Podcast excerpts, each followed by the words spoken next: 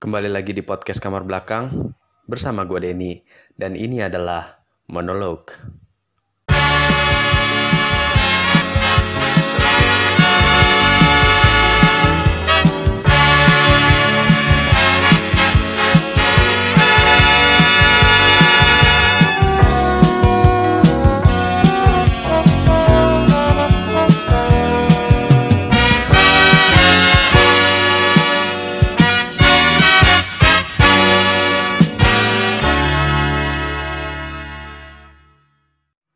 Pasti pernah dong kalau misalnya ngerasa aduh gue gabut banget nih.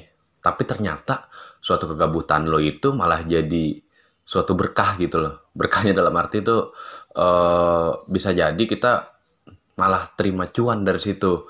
Jadi banyak orang yang ngerasa dirinya itu nggak berguna, gabut karena memang mereka nggak pernah keluar ataupun eh, nggak pernah ngerasa kelihatan kerja gitu loh. Tapi mereka tuh bisa aja happy happy yang eh, mereka punya uang, mereka bisa belanja sana sini, hahihi, ketawa ketawa karena ketawa di atas penderitaan orang yang nggak punya duit. Bahkan orang yang nggak kelihatan kerja justru mereka lebih kelihatan bahagia karena memang secara finansialnya juga lebih baik. Nah, pasti orang-orang yang kerja itu ngerasa anjir nih orang di rumah aja nggak pernah kelihatan ke mana-mana tapi duitnya tuh banyak. Nah ini nah ini kenapa nih? Itu kenapa karena banyak orang yang ngerasa sekarang eh, stigmanya tuh mulai bergeser karena gini dulu kalau lu mau punya duit ya lu harus kelihatan kerja lu harus keluar lu harus dandan yang rapi katakanlah eh, pakai pakaian kantor pakai kemeja sepatu necis manasin motor mulai dari jam 7 kali ya mulai dari jam 7 terus tiba-tiba lu udah sampai di kerjaan setengah 9 dan lu akan balik jam 5 sore. Itu berputar sampai satu bulan penuh sampai lu mendapatkan sesuatu. Artinya ya lu akan kerja ya lu akan kerja menjadi orang kantoran biar lu dianggap kerja. Nah cuman sekarang eh, banyak orang yang dia tuh di rumah dengan kegabutannya aja bahkan aduh gue gabut banget nih gue ngapain ya ternyata dia hobinya joget dan dia menjadi tiktoker Eh, memang dulu eh, sempet TikTok itu ada duitnya karena dia ada TikTok coin gitu nggak salah. Nah cuman kan semenjak dihapus, tapi si TikToker ini tetap bisa menghasilkan bahwa hmm, adanya endorse masuk, adanya eh, branded content masuk ke dia dan dia dan dia akhirnya deal brand dari situ. Tapi dia melakukan segala sesuatunya dari rumah. Nah, orang-orang yang kayak gini gini nih biasanya biasanya justru dipandang negatif sama masyarakat. Tapi kalau justru kalau gue berpikiran sebaliknya karena biasanya orang-orang yang melawan ini tuh anak-anak yang di bawah 20 tahun justru yang memang mereka berpikir bahwa kegabutannya dia bisa menjadi uang gitu. Dengan menjadi dan dia akhirnya memproklaim dirinya sebagai konten kreator yang padahal isinya cuma joget-joget doang. Itu keren sih, cuman memang kalau mereka terlalu berlebihan bahkan mereka akhirnya kejar tayang untuk bikin konten tersebut jatuhnya jadi cringe. Kita beralih lagi ke orang yang bagaimana bisa menghasilkan uang dari rumah. Banyak juga uh, gue juga sempat buka situs Fiverr yang di mana memang mereka itu menjadi konsultan dari rumah. Bahkan sekarang banyak tuh yang namanya konsultan sosial media. Contohnya kayak Ano Bening gitu. Gue tuh kadang keren kalau ngeliat dia uh, dia bisa melakukan konsultasi sosial media apa pun itu. Tentang YouTube, tentang Instagram, tentang Twitch, tentang Twitter, uh, Facebook, apa pun itu yang memang mereka bisa punya bisa punya pola pikir di mana sosial media berkembang, terus bagaimana cara meningkatkan sosial media yang baik, bagaimana cara menggunakan sosial media yang baik, dan itu dilakukan konsultasinya secara virtual. Jadi keren sih kayak uh, virtual consultant, dan itu mereka dibayar secara profesional. Itu mereka semua lakuin kerja di rumah. Yang walaupun memang bisa jadi mereka pakai kemeja secara atasan tapi bawahnya mungkin pakai kolor doang dan nggak pakai uh, alas kaki lagi karena mereka semuanya bekerja dari rumah dan dibayar secara profesional. Nah, gimana kalau misalnya stigma di masyarakat, ini kayaknya orang ngepet deh kan ini balik lagi ke fenomena Depok kemarin nih jadinya nih orang yang orang yang sebenarnya mereka uh, bisa menghasilkan uang dari rumah tapi tiba-tiba bisa beli motor tiba-tiba bisa beli mobil tiba-tiba bisa beli rumah bahkan yang mereka sepenuhnya bekerja dari rumah tapi justru malah dianggap negatif sama si masyarakat sekitar. Nah biasanya nggak ada tips sih buat buat ngadepin yang kayak gini-gini karena mereka ini adalah netizen di dunia real.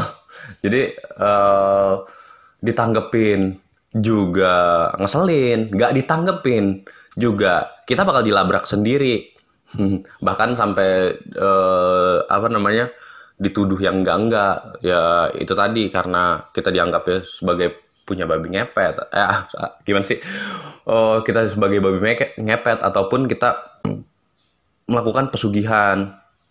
Yang kayak yang kayak gitu-gitu. Di era kayak gini tuh sebenarnya sih udah nggak udah nggak model sih yang kayak gitu-gitu. Jadi uh, eh, gue masih justru kadang pengen belajar juga melakukan bisnis tuh segala sesuatu dari rumah. Kayak misalnya orang-orang yang banyak berbisnis dari rumah, mereka bisa melakukan uh, jualan, katakanlah kalau kecil-kecilan jualan baju kali dari rumah, terus mereka coba jajakin itu via sosial media mereka, entah itu di Shopee, di Lazada, Bukalapak ataupun apa pun itu. Dan mereka bisa dapat keuntungan itu hanya dengan bekerja dari rumah. Nah, bagaimana mereka biar nggak bergerak tetap bisa stay di rumah nggak bergerak keluar. Mau nggak mau kan mereka akan punya uh, karyawan yang memang itu tugasnya untuk mengantar sampai ke uh, ininya aja kayak misalnya ke kurir expressnya kayak misalnya ke JNT ke Shopee Express. Nah dan si ownernya ini atau si yang punya usaha ini mereka tetap stay di rumah. Apalagi di era pandemi kayak gini usaha dari rumah tuh cocok banget. Jadi buat gue sih maksudnya menyayangkan aja buat orang-orang yang mempunyai stigma yang mereka nggak mereka tuh nggak ke mana-mana mereka nggak kerja tapi mereka bisa menghasilkan uang dari rumah. Dan bisa bisa jadi mereka tuh melakukan pesugihan padahal enggak. Kayak sekarang banyak juga yang uh, orang-orang yang main bitcoin tuh orang-orang yang main bitcoin saham apa pun itu kayak contohnya gue pernah nyoba gue jadi pernah ada cerita dulu sih waktu masih zaman kuliah. Gue pernah coba untuk main binomo. Uh, binomo saat itu baru-baru banget keluar. Nah pada saat gue main binomo gue pengen dong seperti orang-orang yang karena gue ngeliat di YouTube tuh orang-orang kalau main binomo tuh dalam hitungan menit tuh gampang banget untuk dapetin kripto nah sedangkan setelah gue coba dan gue pakai tabungan gue sendiri begonya sih. Gue gua sih ngerti tuh sih ngerti cara mainnya. Tapi gue cuma pengen kayak kayaknya di saham lagi naik deh. Akhirnya tan tanpa belajar dari tutorial di belakangnya gue coba main akhir kalah. Penasaran dong? Gue coba main lagi kalah lagi. Gue coba uh, ngebet lagi masang lagi kalah lagi. Dan itu akhirnya sampai rugi 3 jutaan kalau nggak salah waktu itu. Dan gue coba untuk berhenti bahwa kayaknya passion gue nggak di sini. Gue ngerasa jadi kayak anjing kok gue main sama main judi sih. Kok gue sam sampai rugi segininya? Cuman uh, apa namanya bagi orang-orang yang berhasil di bidang itu keren sih. Contoh lagi nih gue ngeliat Alan Suryajana uh, yang dia bisa ng ngasilin tuh dua ratus ribu per minggu kalau nggak salah itu tuh kerjaan dia tuh cuman di rumah dia bikin giveaway di YouTube-nya Terus kalau misalnya ada event-event vlog yang memang ada brand um, uh, apa namanya branded content masuk, artinya dia menjadi brand ambassador di situ. Kerjaan dia tuh cuma keluar negeri. Terus uh, dia pamer-pamerin seolah dia tuh rajanya MLM anjing emang. Tapi di situ di situ dia di situ dia bisa ngebuktiin bahwa gua dengan stay di rumah doang tidak melakukan uh, apa namanya rutinitas masuk jam 9 pulang jam 5 gue bisa buktiin bahwa gue bisa menghasilkan 200 ribu dolar per minggu. Jadi apa namanya? Dan dia selalu dan dia selalu uh, apa namanya? posting-posting video dengan dia lagi di kapal pesiar. Wah, gua gua kira tuh dia akan ngomong gini. Kalau misalnya Anda ingin mewujudkan impian Anda, ingin punya kapal pesiar seperti saya, bergabunglah bersama Keling. Gue kira tuh dia akan ngomong kayak gitu.